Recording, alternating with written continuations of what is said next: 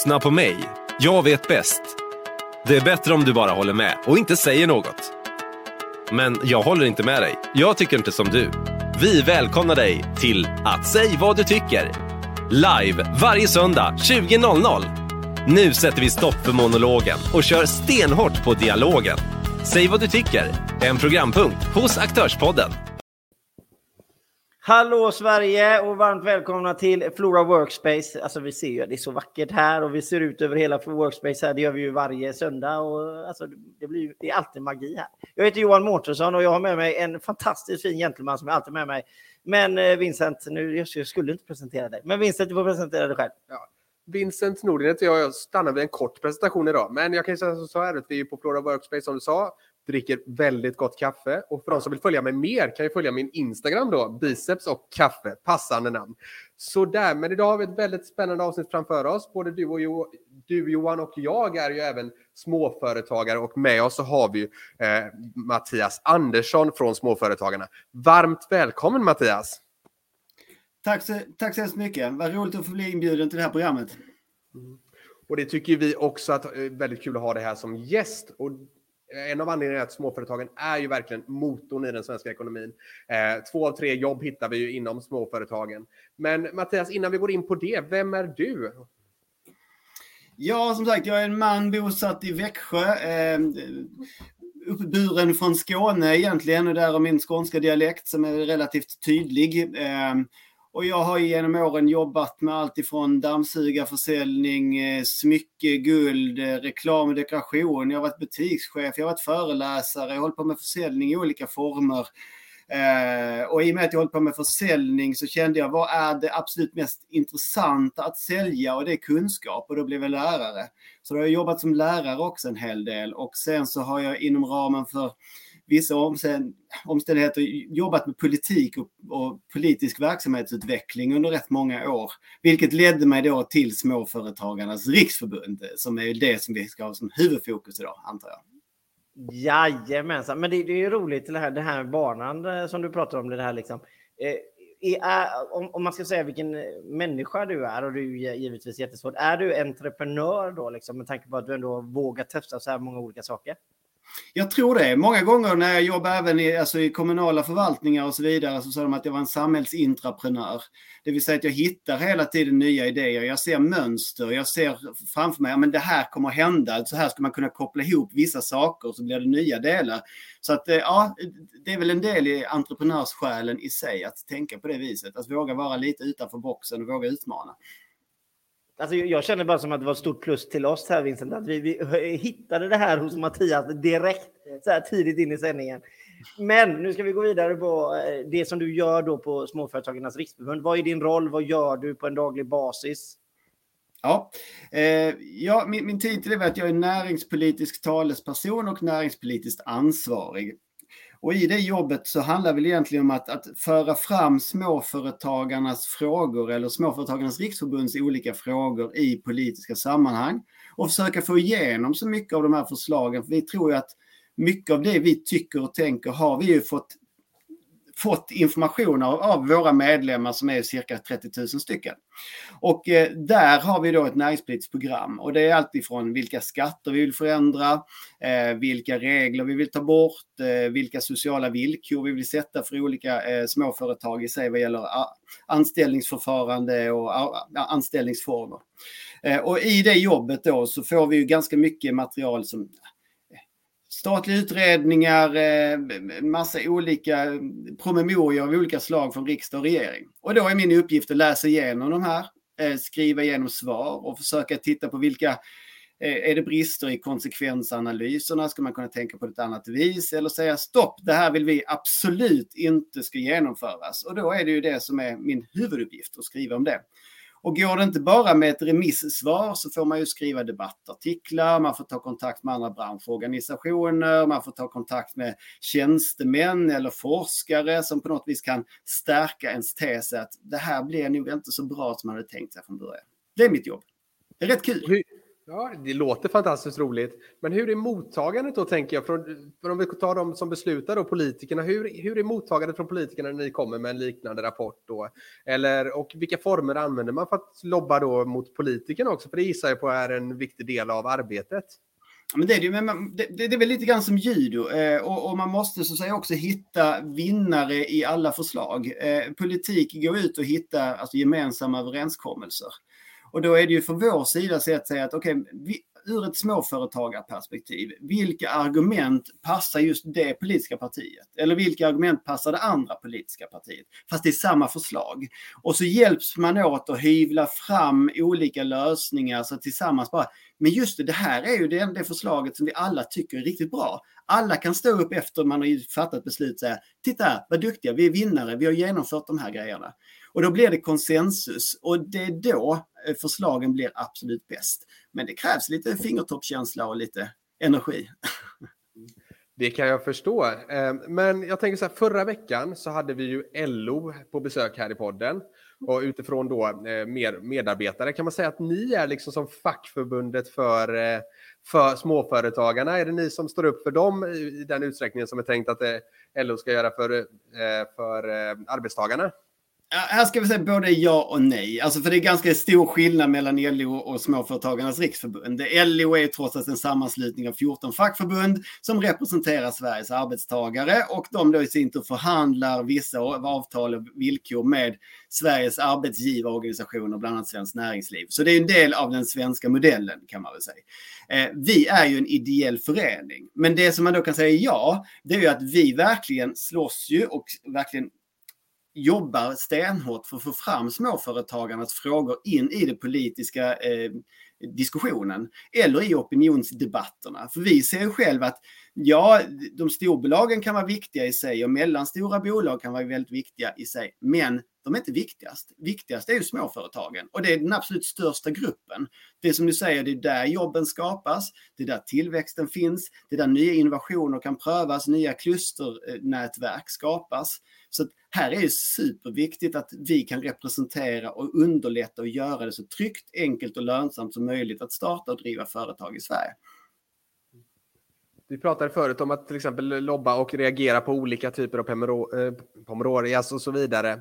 Eh, finns det något sånt tydligt exempel där man verkligen eh, från Småföretagens riksförbund har lyckats liksom vända opinionen eller fått igenom någonting som skulle, skulle vara intressant att lyfta som man kan komma på så här ad hoc? Ja, eh, två delar. Ett, jag ska komma till ett förslag som jag säger att men här var väldigt tydligt att vi lyckades jobba igenom det här förslaget. Men det viktigaste är väl egentligen alla de här dumma förslagen som vi stoppar. Som aldrig blir diskussioner, som aldrig händer därför att vi svarar på det, vi beskriver eh, effekterna av de här förslagen och tar hjälp av andra aktörer. Eh, så att det är det som inte genomförs. Alla, brand, alla, alla bränder som vi släcker innan de finns, det förebyggande arbetet, det är där vi gör absolut störst skillnad. För då blir det inte att det blir eh, ett extra stort skattetryck. Reglerna blir begränsade och, och, och minskar. Och, och, det är det som jag tycker är riktigt bra. Men samtidigt vill man säga, okej, okay, har ni någon sån här catchphrase, något som ni verkligen lyckades med? Och i pandemin så hade vi ju en rad olika stöd. Och de här stöden slängdes ju in ganska brådskande. Eh, får man väl ändå säga var positivt för politiken att agera snabbt. Men utformningen av verktygen var ganska bristfälliga och nådde då inte den gruppen företag som de var egentligen tänkt att nå. Och i det arbetet så tittar vi på framförallt omställningsstödet. Och i omställningsstödet fick man beräkna in vissa kostnader, men man fick inte beräkna in lönekostnaderna i den här stöden. Och då gjorde vi en ganska massiv kampanj tillsammans med Tillsammans och krisen, eh, Tarek Taylor, olika eh, krögare. Vi jobbade mot eh, finansutskottet, vi jobbade mot politiken, vi skrev debattartiklar, gjorde beräkningsunderlag. Och i det läget så säger man, okej, okay, det här funkar inte, vi är beredda att göra någonting annat. Och då har man gjort den omställning, alltså förändringen i lagstiftningen så att den bättre passar mindre småföretag. Eh, eh om nu pandemin skulle komma tillbaka eller skulle bli en liknande scenario vid nästa tillfälle. Alltså när du, när du säger det här liksom att vi ska motverka politiska partier, komma med dumma förslag. Eh, i, I min hjärna så blir det ju, får jag lite, eller, eller i mitt mun, det blodad tand så att säga. Då undrar jag, alltså, vilka är det som kommer med de här dumma förslagen? Vilka är det som kommer fram med de här grejerna som ni måste gå ut och säga nej, nej, det här var inte bra? Alltså, vilka partier är det som kommer med de här förslagen som är dumma? Jag, jag kan väl säga för förslagen som oftast kan bli reella, det är ju vilka förslag som regeringspartierna lägger fram. Uh, och där kan man egentligen säga att det, vi har ju vi har funnits sedan 2010 och vi har funnit, haft vår verksamhet både under en borgerlig regering och en socialdemokratisk regering. Och i samtliga tillfällen så har ju både de, de regerande partierna tyckt att vi varit ganska jobbiga. För att vi är ju emot, alltså vi, vi tittar inte på vilken färg det är utan vilka, vilken effekt förslagen ger. Och där har vi varit ganska tydliga med att säga att vi är småföretagarnas starka röst. Så att eh, det är framförallt förslag från regeringspartierna som vill göra starka, snabba förändringar eh, i olika avseenden för att vinna eh, politiska poäng. Deras valuta är ju röstopinion, eh, stödet därifrån väljarna. Och då är man beredd att göra ganska mycket för att de ska kamma hem de poängen. Men det är inte alltid det är riktigt långsiktigt klokt utan det kanske blir mer kortsiktiga vinster i vissa avseenden och då måste vi reagera för att då har man inte gjort konsekvensanalysen tillräckligt bra. Och eh, eftersom vi ändå är inne och pratar med just de företagen så är vi ju 1,2 miljoner. Vi är lite, lite mindre tror jag de senaste eh, mätningarna med 1 miljon 197 8000 någonting så här. Så jag avrundar det till 1,2 och ungefär av dessa så är 900 000 enmansbolag. Och, och jag, alltså olika eh, bolag har ju olika utmaningar. En enmansbolag har ju inte samma liksom, eh, vardag som en, en, en firma som har 100 anställda.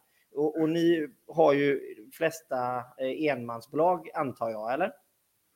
Nej, faktiskt inte. Det är så här att om man tittar på definitionen av småföretag så kan man väl säga att eh, enligt EU-standarden så, så, är ju, du har ju enpersonsbolag, men du har mikroföretag som är mellan 0 till 9 anställda. Där har vi den absolut största andelen medlemmar. Vårt snittmedlem har ett aktiebolag med 4-5 anställda. Eh, sen har du ju från 10 till 49 så är det ju små företag. Och sen så medelstora och sen, sen stora så småningom. Eh, och det är, ju, det är mikroföretagen som vi framförallt eh, representerar. Men inom ramen för mikroföretag så har vi också soloföretagare som du mycket riktigt säger är ganska många. Utan tvekan. Och då är då frågan, finns det ett problem för 900 000 småföretagare eller kan man kategorisera om det på ett annat sätt? Eh, ni har väl företag båda ni två? Eller? Ja. E-, era företag, har ni samma utmaningar tänker ni eller?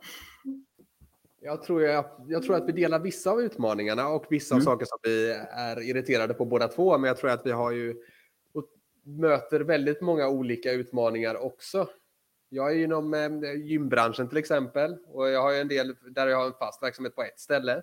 Eh, så att, eh, och du Johan, du har nog en del andra, andra problem även om du har en fast punkt. Så du är ute hos kunder och så vidare också. Ja, jag, hant, jag håller på med hantverkstjänster så det blir ju, vi, vi, liksom, våra, våran verklighet ser ju väldigt olika ut kan man säga. Mm. Precis. Och, och, så är det ju för många soloföretag också. Då kan vi säga att vi, vi ser väl lite olika eh, kategorier på de här företagen. Att vi har ju kanske dels har vi nödvändighetsföretagare. Eh, det finns ju de som faktiskt inte kommer ut på arbetsmarknaden, som inte har jobb eller inte har möjlighet att, skapa jobb inom ramen för det man har utbildat sig för. Då blir man företagare för att man behöver få någonting att göra. Så. Den gruppen finns, den, den är relativt det finns relativt många av dem, men det är en ganska bortglömd grupp som också är den gruppen som har ganska låga inkomster. Eh, vi gjorde en studie här för ett litet tag sedan där vi såg att just eh, småföretag småföretagare är st har störst representant i gruppen låginkomsttagare. Och då kan man ju anta att en del av de här nödvändighetsföretagen har inte jättehög omsättning. Man har en viss kompetens och kunskap, men man får inte speciellt mycket pengar för det. Ett Eh, en del som man nu börjar titta på även på EU är ju de som är företagare inom till exempel Foodora, eh, budföretag. Och då kan man ju konstatera, är det företag eller är det anställning eller är det bara ett sätt att liksom komma ifrån anställningsansvaret eller är det då ett företagande som bygger på egen verksamhet och möjlighet att expandera? Det kan man diskutera och det kommer säkert diskuteras ganska mycket utifrån eh, gigekonomins olika förändringar som sker just nu och plattformsföretag. Sen har vi de yrkesidentifierade företagarna. Ehm, eller som man vissa säger levebrödsföretagare. Och de är oftast, man drivs ju som du, du drivs ju av att du tycker om att gymma och tycker att det är fantastiskt skoj. Ehm, och ehm, jag, jag tror det i alla fall.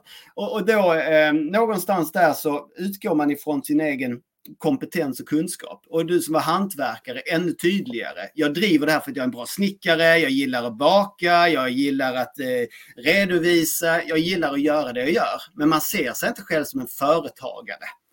Utan man ser sig som en möjlighet att friheten att få styra sitt eget liv är viktigare värdesyften än lönsamhet och tillväxtpotential och fler anställda och liksom bolagsnoteringar eller börsnoteringar. Det är inte så intressant. Men så har vi då möjlighetsbaserat företagande och det är de som ser den här utmaningen, ser utvecklingen, som verkligen vill eh, få den här tillväxten, vill driva någonting framåt. Och det är tre olika förutsättningar för de här företagen med sin verksamhet och behöver olika stöd vid olika skede. Eh, så att, och vi från vår sida, vi ser ju att småföretagarna representerar ett större andel till de som är yrkesidentifierade företagare än de som är på techsektorn och så vidare. Även om de också är viktiga företag. Men vi ser att den andra gruppen blir oftast bortglömd. Och som är superviktig framförallt ute i landsbygden eller i icke-urbana miljöer. Då är det VVS-aren, elektrikern, bilmäckaren, eh, lantbrukaren som skapar de här nätverksklusterna och företagsmöjligheterna tillsammans med andra företagare. Och det är det som håller många kommuner levande och starka. Jag tänker på det. Eh, gigföretag är ju någonting som är väldigt på uppgång nu. Vi ser att det växer inom branscher. Kanske man tänker eh, Foodora och så, men det finns ju även inom branscher, eh, till exempel att man har gig inom eh, någon form av eh, yrken som till exempel man ska leverera en rapport åt ett bolag och så vidare, som man anställd på konsulttjänst. Eh, hur, vad ska man tänka på som gigföretagare? Är det något speciellt med eh, pensioner eller vad, vad har man där för största utmaningar eller största vad ska man säga, problem som man glömmer bort som gigföretag? Är det något specifikt som sticker ut? Oftast är det att man inte tittar på vilka kostnader. Så att, alltså, du sätter lönen ungefär som om du vore anställd. Det vill säga att du gör en beräknad, ja men om jag skulle ha 25 000 i lön eller 30 000 i lön eller 20 000 så gör man, ah, okej okay, men då ska jag ja, ta 200 kronor i timmen för 40, 40 timmars arbete ungefär för att komma upp dit. Men då glömmer man ju alla de här eh, arbetsgivaravgifterna, egenavgifterna, pensionsavsättningar, kostnader du själv ska stå för på olika sätt. De måste beräknas in i timlönen. Och så måste du säga att okej, okay, men jag jobbar ju kanske inte 40 timmar som jag kan debitera. Jag kanske har debiterbar tid på hälften. Resten måste jaga nya kunder eller göra någonting annat. Då är de 20 timmarna som ska finansiera allt det andra Eh, under en månad eller under en vecka. Och, eh, och, det är så du måste verkligen beräkna det för att kunna säga ge rätt pris till kunden. Och sen måste du dessutom våga ta det priset och stå för det. det, är det så här är det, så här kostar det. För vi kan inte dumpa priserna för att vi tror att vi inte är värda det. Det är, då, det är just när du är företagare och du har de kompetenserna som du verkligen tror på. Det är då du verkligen ska börja ta betalt och räkna ut det och stå för det och känna att det är så här ser det ut. Jag måste täcka de här kostnaderna. Så det är en jätteviktig bit att titta på det. Jo, men med tanke på det här gigföretagandet så, så nu var ju Fedora ute i blåsväder här va, angående deras eh, leveranstjänsterna. Va? Det var lite skatter och det var företag till företag, det var fakturerat hela mm. vägen. Så är, är, det ett problem att till exempel de här då som kör igång ett gigföretag, att man har lite sämre eh, förkunskaper? Alltså att man behöver kanske plugga på lite extra eller man kanske bör vara med i er organisation eller alltså någon annan organisation för att få lite mer kött på benen så alltså man inte gör de här misstagen som kommer bli grymt dyra sen. Ja, alltså det, det, tycker jag kan vara ganska så bra. Dels för utifrån för viss rådgivning för hur ska avtalen se ut och vad ska man beräkna så man inte binder upp sig på rätt dåliga avtal där du kanske har hur långa betaltider som helst innan du får betalt. Men, men din kund får bete sig på hur som helst för att den är större.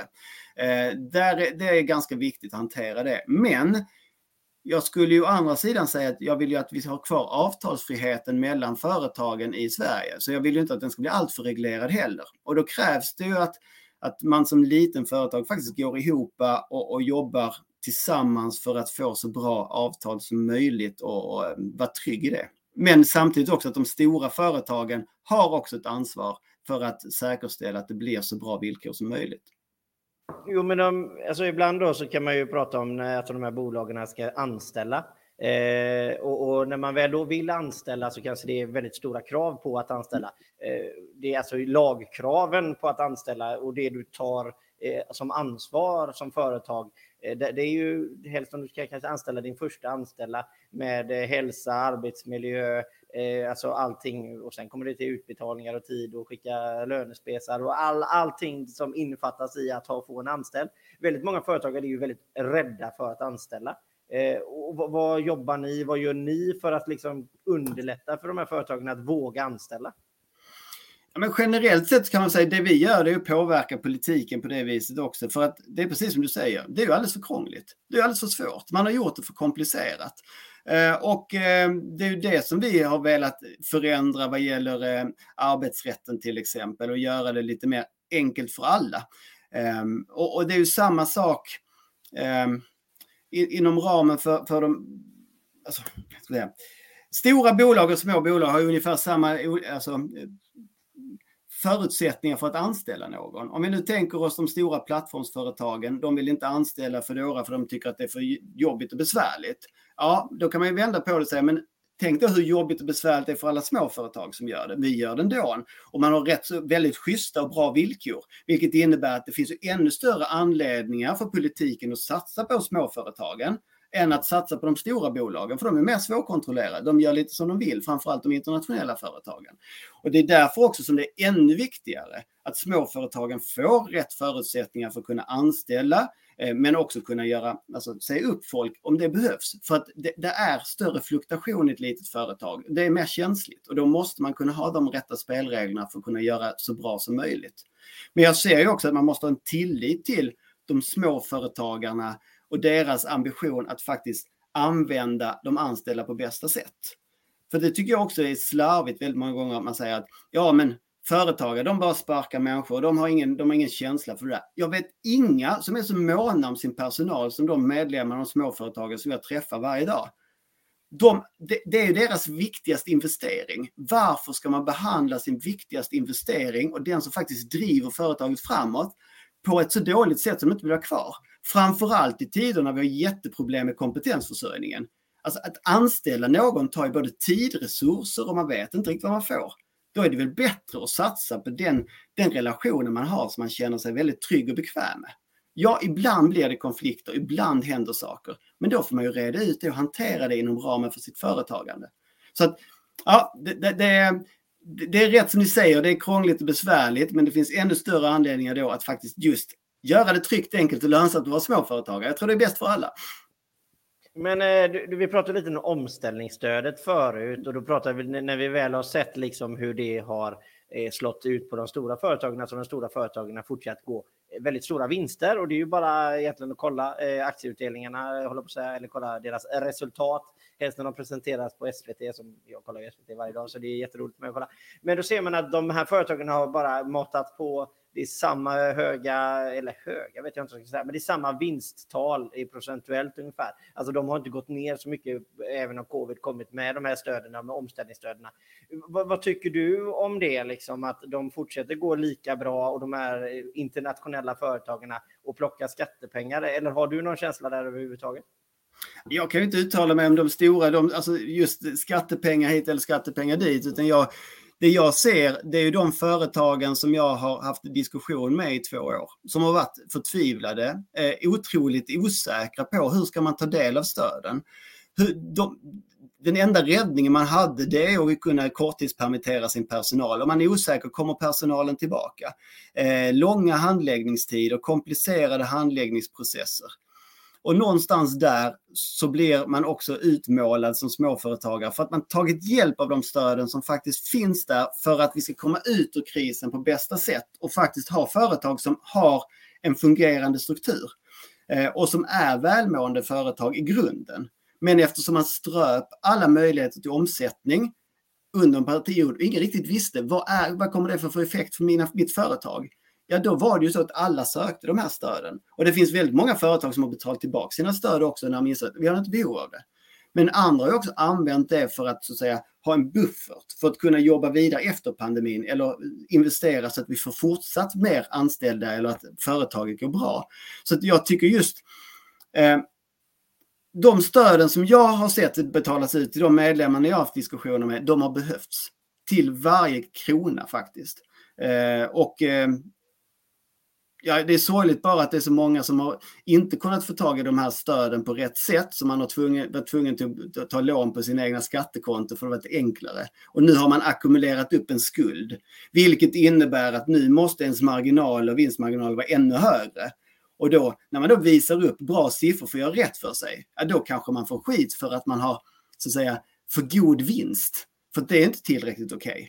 Nej, det måste finnas vinst för att kunna återinvestera i ditt företag. Framförallt nu när vi då har de här utmaningarna efter två års pandemi. Vi har ett krig i Europa, vi har en hög prisökning, inflationstakten, nu kommer vi in på den diskussionen.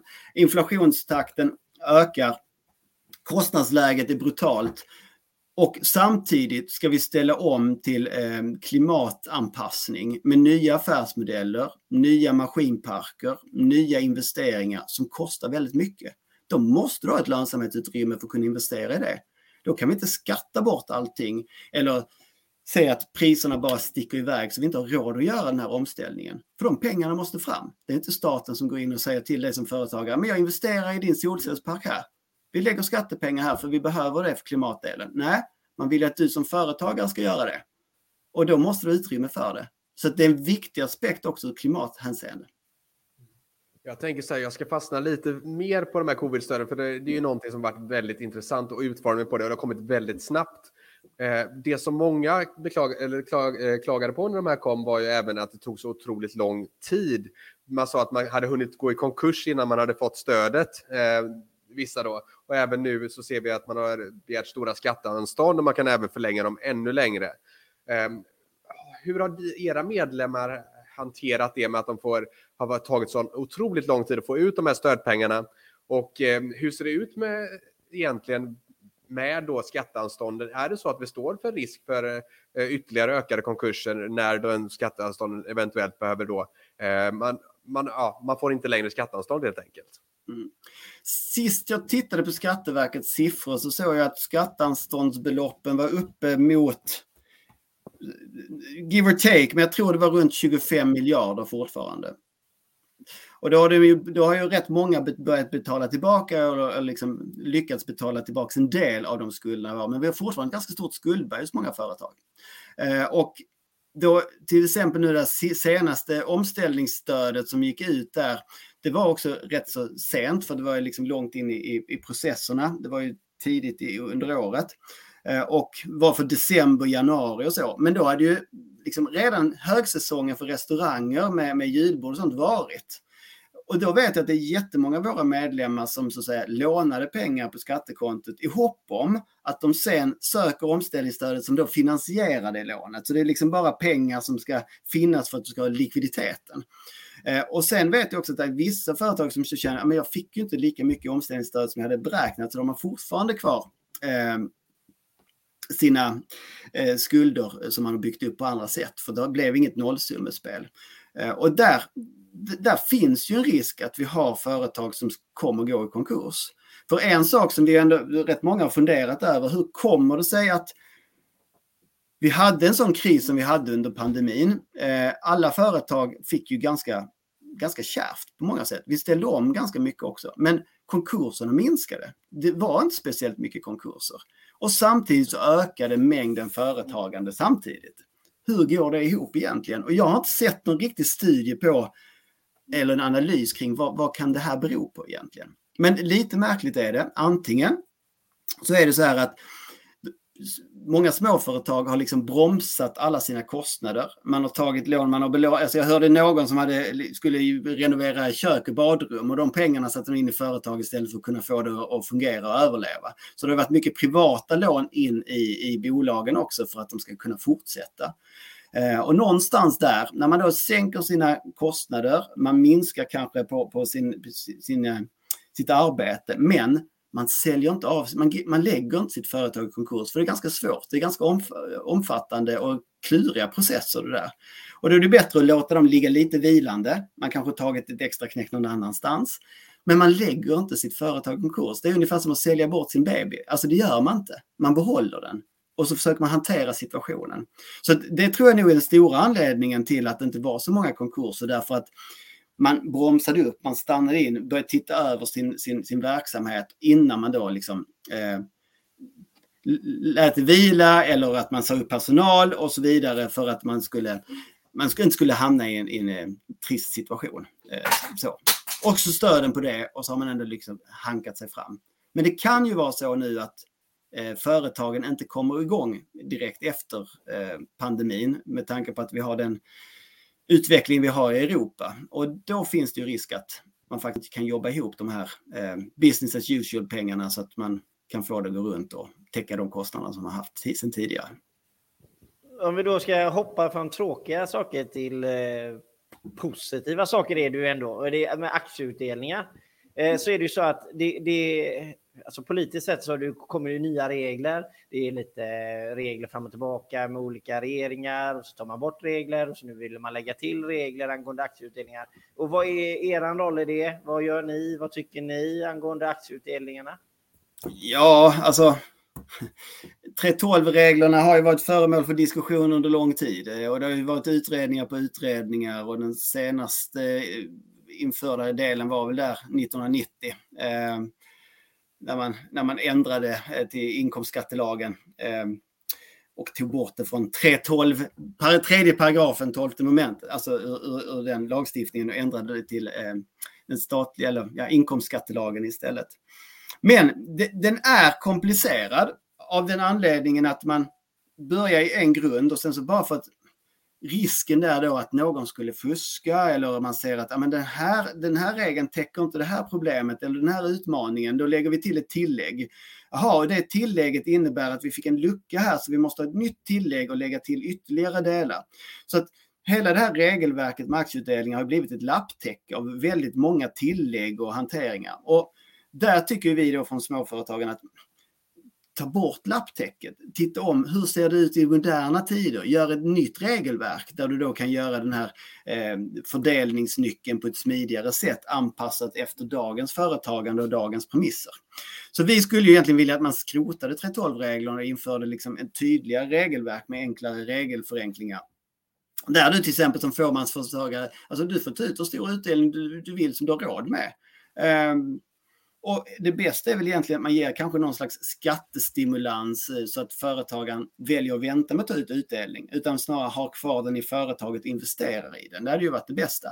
Ehm, men också då att det kanske finns ett visst lönekrav kvar. Men samtidigt kan man säga att om jag som företagare inte tar ut någon lön, då hamnar jag i den situationen att ja, jag får ju sämre pensioner, mina förutsättningar för, för eh, de sociala ersättningsmodellerna eller det som vi betalar gemensamt till via arbetsgivaravgifter och så vidare, det får jag inte ta del av. Men det är ett val i så fall som jag kan göra, en opt-out på något vis.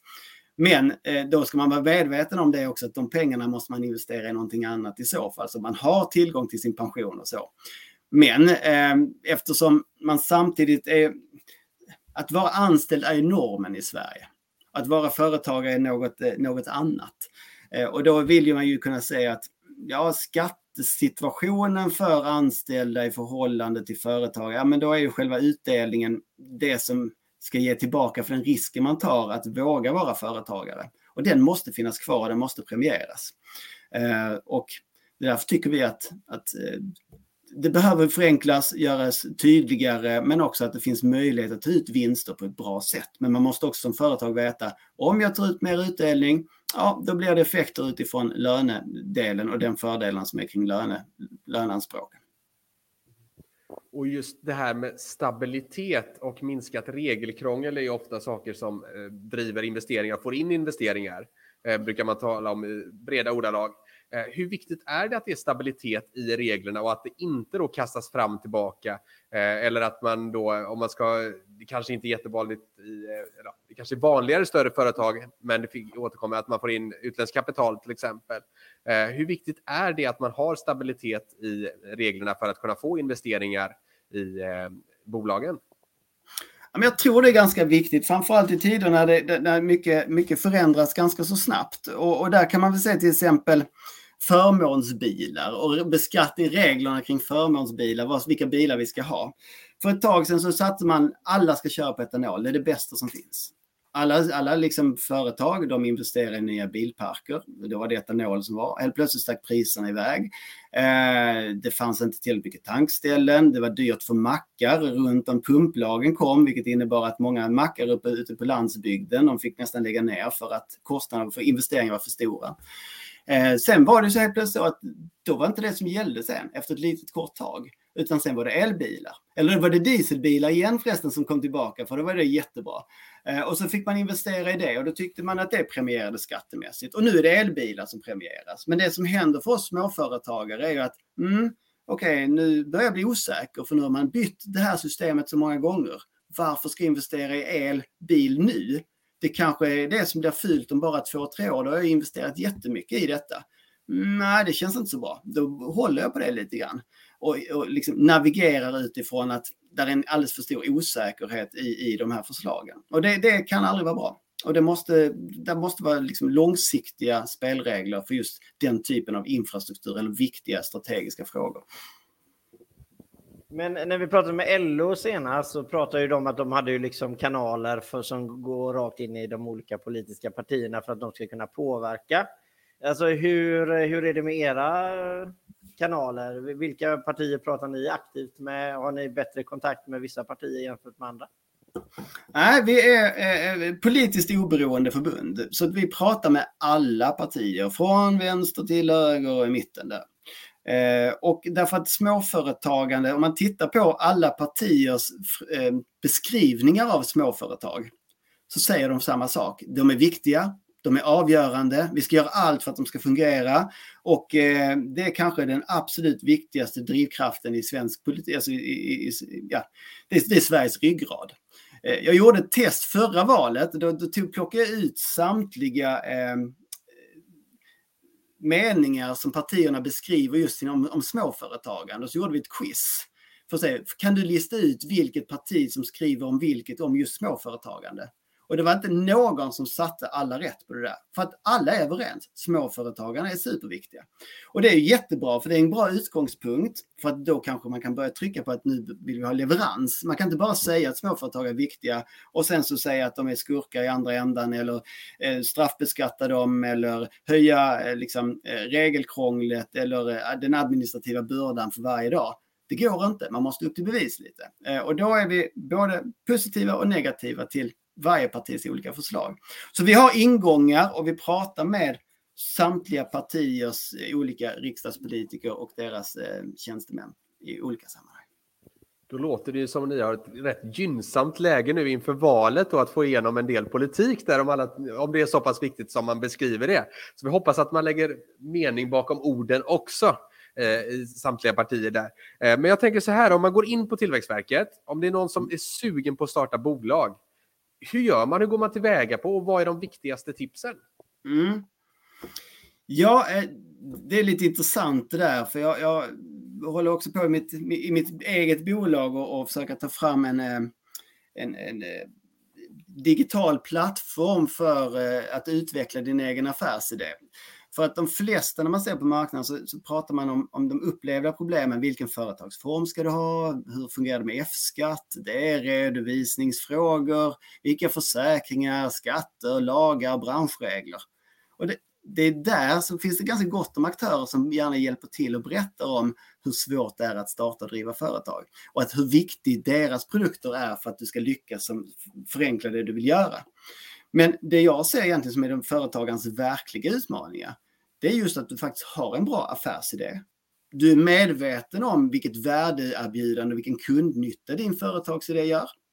Eh, att du har rätt samverkansparter. Vem vill jag samarbeta och liera med? Leverantörer, kanske eh, någon som är väl anställd och samarbetar med andra konsulter för att vi ska kunna stärka min affärsidé ytterligare. Vilka delar? Vilka konkurrensfördelar har din affärsidé i förhållande till andra aktörer på marknaden? För det finns alltid andra. Eh, vilken prissättning har vi sett vi får in jättemycket frågor kring. Hur ska jag sätta rätt pris? Ja, hur ska du sätta rätt prisverk på ett, ett, konstverk? Ja, det är lite grann upp till betraktaren och det är du som måste hjälpa betraktaren att ta det beslutet. Du måste skaffa dina första kunder snabbt.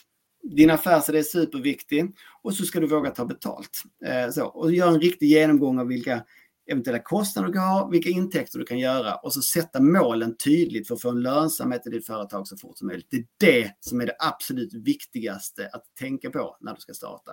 För eh, kommer du fel där från början, ja men då kommer du inte riktigt ha rätt pitchar, rätt eh, känsla med dig in när du träffar andra eller du ska göra dina affärer framöver. Jag, tänker, jag fastnar på ett av orden där som är väldigt hett just nu och det är just kundnytta. Man har gått mycket mot det här ordet kundnytta. Man pratar om det istället för att ha eh, och mindre då fokus blir på kalkyleringar utan kundnytta i fokus. Vad betyder egentligen kundnytta? Hur skulle man kunna ta det i ett praktiskt sammanhang? Vad är kundnytta? Bra fråga. Eh, kunnigt är ju egentligen att ditt värdeerbjudande, att du inte ska gå in och så, när du säljer eller när du pitchar din, din affärsidé eller din produkt, så ska du inte gå in egentligen och sälja in värdet av att ja, men den här effektiviserar kilowattimmarna och den har den här och den här motordelen eller den här och den här funktionen på olika sätt, utan du måste säga det för vi frigör tid från dig. Vi frigör möjlighet och kapacitet som du kan lägga på annat genom att du använder den här produkten. Då kommer ditt system, dina eh, anställda och så vidare, din chef kommer bli mycket lyckligare över den här produkten. Därför att jag har kunnat identifiera vad är det som jag med mitt företag och mitt, min produkt kan hjälpa den andra med. Det är egentligen sälj det handlar om i, i stor utsträckning och sälja det på rätt sätt. Så det är mer ett mindset en approach som jag ser det. Om vi går vidare, så vad ska man göra för att inte hamna på varningslistan på er hemsida? Man ska inte skicka falska fakturer och man ska inte försöka bedra. Man ska inte köra oärligt och oschysst på något vis. Ehm, det är det eh, som är vår varningslista handlar om. Eh, oavsett var man befinner sig så ökar alltid risken för att man, man eh, drabbas av blufffakturor eller bluffande företagare som vill dig som inte vill det riktigt väl. Och då har man en varningslista där man snabbt kan säga, okej, okay, vad är det här för företag? Har du fått anmärkningar sedan tidigare? Ah, det, det här ska jag nog inte hoppa på eller här, den här prenumerationen och de här tjänsterna, det känns inte bra. Jag ska inte hoppa på det. Det ger mig ingen marknadsföring. Därför finns det. Eh, och sen är det ju alltid så här, alltså, det blir alltid, är det, eh, vad är legitimt? Du vet, om man kollar opinionsmätningar idag så frågar alltid, ja men vad, hur tog det de fram? Och då ställer jag frågan så här, alltså, hur och vem är det som gör alltså, att ett företag kommer upp på varningslistan? Hur kollar ni de företagen? Ja, ja, nej, men det är det så vi har ju, det är en lista som vi kör via ett analysverktyg som, som, som vi eh, beställer. Och den här listan tas fram av Svensk Handel också. Just för att visa på att, eh, så det är deras liksom, varningslista som vi hjälper till också att förmedla vidare. Mm. Kan man säga som så att man behöver vara rätt dum om man ska hamna på den där listan. Att det inte är liksom något bolag som eh, går, begår ett misstag någon gång utan att det är faktiskt folk som har eh, onda intressen som hamnar där. Ja, de har ju oftast fått anmärkningar och fått liksom eh, påbackning av eh, konsumentombudsman eller, eller på olika sätt liksom hållit på med bedrägerier eh, och då ska de inte då, då ska vi varna för dem. Eh, andra småföretagare varnas över att göra inte affärer med dem helst. Titta noga. Alltså, jag älskar ju den här varningslistan. För alltså, typ sådana här liksom, underlättande grejer som kan vara väldigt bra för en småföretagare som man sitter hemma liksom, och man kanske inte tänker på de här bitarna och så finns den på er hemsida. Så jag tycker bara lite hatten av faktiskt, för det är nog första gången jag sett eh, någon typ av egen lista. Så det var, jag tycker det var görskoj. Så det vill jag bara... det, det, är faktiskt en av våra mest välbesökta eh, liksom, sidor också. Så att, eh, jag vet inte ifall folk vill titta, är jag på listan eller inte? Ska man andas ut så känns det bra. Men jag tror inte det av den anledningen, utan det är snarare så att ja, men eh, om du har fått en, en blufffaktura eller fått en faktura du känner att den här känns inte riktigt bra i magen. Är det, detta någonting jag beställt eller är det någonting som är värt att gå vidare när de säger att du kommer få så här och så här mycket nya kunder och så. så.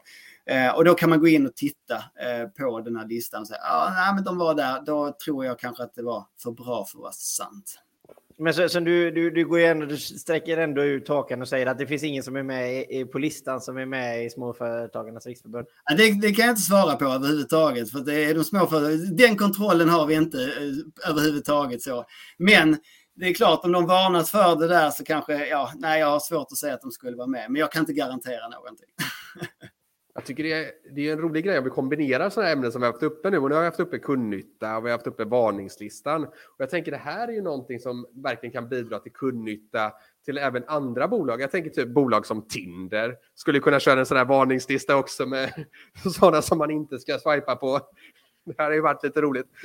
Ja. Skämt åsido så är det ju, eh, många företag kan ibland hamna i trångmål eller att man hamnar i någon eh, juridisk tvist med ett annat bolag där man inte ser på saken på samma sätt utan att man, i, att man egentligen då har olika uppfattningar och kanske ingår med olika ingångsvärden. Juridisk hjälp är någonting som kostar en hel del pengar. Eh, hur ska man tänka när man kommer, när sådana situationer uppstår på ett generellt plan? Eh, hur bör man gå tillväga då man misstänker att man har någonting som ska gå upp till en juridisk tvist? Mm. Man ska ju försöka undvika att hamna i de situationerna först och främst, som jag säger, och då gäller det faktiskt att vara lite preventiv. Och eh, i det preventiva, så för, för, att vara medlem i Småföretagarnas riksförbund är också att vi ser att man, man behöver en viss typ av försäkringsskydd. Och att titta över så att man har en bra företagsförsäkring är ett bra tips att ta med sig. Eh, vilket eh, vi inom småföretagarna har sett att det, det är ju en sån produkt som vi tycker är viktiga för våra medlemmar att använda sig av.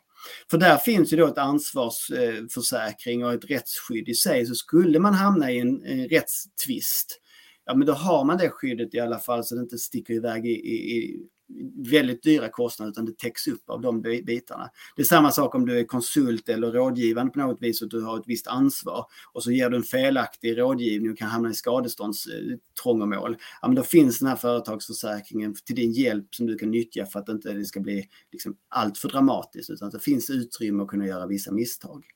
Sen har vi också inom ramen för vårt medlemskap att du har 3 gånger 30 minuters fri juridisk rådgivning. Och det är inte så att du, du under den perioden kan driva något ärende i sig, men det är många småfrågor som man som företagare ställs inför av juridisk karaktär. Och då kan det vara rätt så skönt att ha någon som man kan ringa upp och säga, men du, hur var det med det här anställningsavtalet? Eller kan jag säga upp någon på det här viset? Eller hur fungerar det? Eller jag ska investera i någonting, eh, hur ska det avtalet se ut för att det ska bli bra? Eller vi ska ha ett samarbetsavtal. Ja, men då finns det där. Det, det, det, som småföretagare så kan man inte liksom förvänta sig kunna all juridik och då är det ju bra att man har någon att hålla i handen i just de delarna. Och då tycker jag Småföretagarnas riksförbund är absolut det bästa förbundet.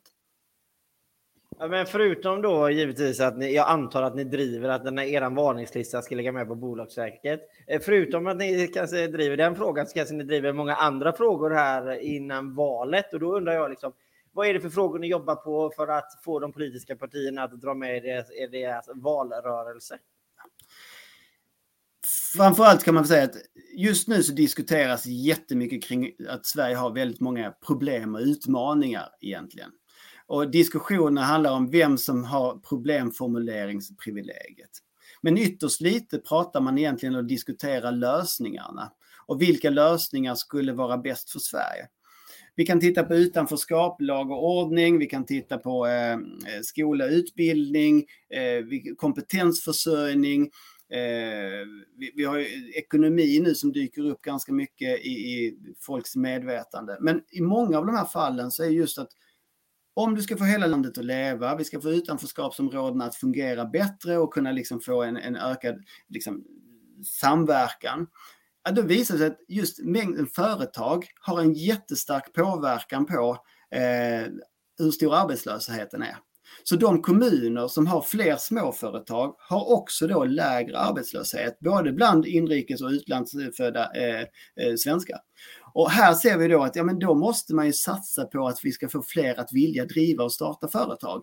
Oavsett om det är i Pajala eller i Rinkeby eller i Rosengård så, så handlar det ju ändå om att det, det är de insatserna vi måste behöva göra. Och då behöver vi titta på utbildningssystemet. Ja, men hur mycket i gymnasievärlden jobbas det med UF-företag? Det är bara vissa, om, vissa eh, gymnasielinjer som har det. Men det skulle lika bra kunna vara i vilket hantverksprogram som helst, byggföretagare, eh, varenda hantverksgymnasieutbildning eller yrkesgymnasieutbildning skulle ju också ha Ungt Företagsamhet i sig. För att med stor sannolikhet kommer många av dem att bli entreprenörer eller har förmågan att bli entreprenörer och de är superviktiga. Så att här behöver man ju också jobba för att just sträva efter att få fler att vilja starta och driva företag. Oavsett vad det är. För då kommer anställningarna, eh, vi får nytänkande, vi får nya idéer och då är det jätte, jättebra med att få in det också. Och det är ju någonting som det har diskuterats väldigt mycket om, så här, nyttiga saker i skolan, till exempel UF som är väldigt nyttigt för att få Eh, folk att starta företag, förstå hur det funkar och så. Tycker du, eller tycker ni att det borde vara mer sådana här saker i skolan, att man får, eh, hur funkar en deklaration, hur skriver jag ett CV och sådana här enkla saker som man inte tar upp och kanske då lite mindre fokus på saker som man inte använder så mycket senare i livet? Ja, det är väl inte någonting vi driver direkt, men visst som lärare så kan jag väl säga att livskunskap hade kunnat vara en bra del och kanske inte fullt täckande varken i hemkunskapen eller samhällskunskapen. Eh, men inom ramen för de kursplanerna skulle man kunna utveckla just den typen av, eh, av utbildningar i högre utsträckning. Jag tror det hade varit nyttigt eh, för, för många att, att få en ökad förståelse för de praktiska delarna. Så, man, man kan demokratiska liksom, upprättade hur, demokratin är uppbyggd i Sverige med, med, instanser och institutioner och så vidare. Men man vet inte hur man öppnar ett bankkonto. Alltså det blir lite konstigt i, i vissa avseenden. Men samtidigt kan vi också säga så här att från, från vår sida här i valet, vi vill ju väldigt gärna att man ställer frågan på agenda, på kvälls, alltså på bästa sändningstid, dagen innan. Så här, hur ska ni göra för att vi ska få fler småföretagare verksamma i hela landet och hur ska ni bidra i er politik till att göra Sverige till ett mer entreprenöriellt land? Det hade varit jättespännande att höra den diskussionen istället för andra typer av diskussioner. Men vi, vi framförallt, vi vill ju se sänkta skatter. Framförallt vill vi ta bort eh, arbetsgivaravgiften. Eh, vi vill ta bort den allmänna löneavgiften med ja, den är väl på 11 procent ungefär av arbetsgivaravgiften. Den vill vi att den ska tas bort helt och hållet. Eh, vi ser att vi vill eh, ha minskat regelkrångel. Regelkrånglet och den administrativa bördan ökar konstant och man tar inte bort någonting. Vi, vi skulle säga en solnedgångsklausul så att om du inför en ny lag så ska det komma förslag på vilka två andra du ska ta bort istället. Det hade varit jätteintressant, för de har minskat det också. Jag vet att det är vissa politiska förslag nu som säger, ja men vi ska, tar man in, för man in en tar man bort en annan. Men det blir ju egentligen bara same same. Då får vi ingen minskning av någonting, utan vi måste ta bort regler också. Och det går att göra, faktiskt. Um, ja, så, ursäkta. Ja, Ja, men kör! ja, nej, men jag, jag, skulle vilja slå ett slag också för er som lyssnar, eh, även i efterhand såklart. Att, att eh, UF-företag, om du får en möjlighet att vara hjälpsam som företagare i äldre dagar när ett UF-företag kontaktar dig, så ta den chansen och hjälp dem. Jag har själv varit med och hjälpt. Men, men nu kan ju vi ställa den frågan till dig då, liksom, om du får eh, forma ut idén här nu då, hur vi ska införa mer UF-företag i skolan eller UF-utbildning, så att säga. Vad, vad är det vi skulle göra då? Ja, det är egentligen pressa på politiken så att vi får in det i kursplanerna så att det blir tydligare att man ska kunna införa det. Sen är ju frågan då ifall man, så att säga, UF är ju en egen, vad jag förstår, en egen eh, liksom, företagsidé eller en utbildningsidé eh, som man har sålt in väldigt bra. Men då skulle ju så att säga hela den grundtanken behöva implementeras in i kursplanen på något sätt och då måste man påverka genom att eh, driva kampanjer mot utbildningsutskottet och, och den typen av aktörer för att säga att det här är viktigt. Men det är inte alls omöjligt. Och det är kopplat till ett lärlingsprogram dessutom. Det hade varit helt fantastiskt. Det är också någonting vi jobbar stenhårt från småföretagarna att vi skulle vilja ha ett lärlingssystem anpassat för just småföretagande också. Att det är lätt att hitta en personal, att jag får en god eh, Alltså eh, att, att jag får en ersättning för att jag handleder och hjälper någon. För att någonstans, om jag är duktig på att handleda och utbilda så kommer troligtvis den personalen då att gå vidare till andra för då blir det som ett sånt drafting-system i NHL. Eh, och då kommer jag vara den här lilla företagaren som gör fantastiskt bra jobb, men min personal sticker. Och då måste jag någonstans kunna få en, en, en belöning för att jag faktiskt gör den samhällsinsatsen. För det gör väldigt många företag idag. De gör en samhällsinsats. När man anställer någon, man plockar in dem, man, man jobbar upp deras kompetenser och sen så har du inte någon som helst garanti för att de stannar kvar, mer än att du verkligen ger goda förutsättningar. Men det finns alltid något större företag som är beredd att kanske betala lite mer eller locka över någon på något vis. Om vi ska prata lite regelkrångel så har vi en regel som gör när man kommer upp i en viss omsättning att man får utökade eh, regelkrav. Eh, vilket gör att vissa företag planerar att inte komma över den här omsättningen. Eh, hur ska man, vilka är dina tips för företag som riskerar att nå det här taket då? Vad bör man göra? Eh, tycker man att man bör justera dem på något sätt? Ja, jag måste säga att jag är lite osäker på vilket tak ni menar där egentligen, alltså för omsättning. Alltså kan ni utveckla den frågan? 3 miljoner, tre anställda. Ja, eh, ja okej, okay. du menar utifrån eh, gränsen för revisionsplikt? Yes. Ja, okej, okay, då, då är jag med. Ja, alltså det taket. Jag tror väl egentligen inte det är jättemånga som blir begränsade av revisionsplikten i sig, mer än att det är en principfråga. Eh, Sverige har ju eh, en av de lägsta gränserna för revisionsplikten i Europa. Eh, och eh, här vill man då gå ner ytterligare och ha revisionsplikt. Det ligger en utredning på gång nu där man vill sänka revisionsplikten ytterligare och det är vi starkt emot kan jag säga.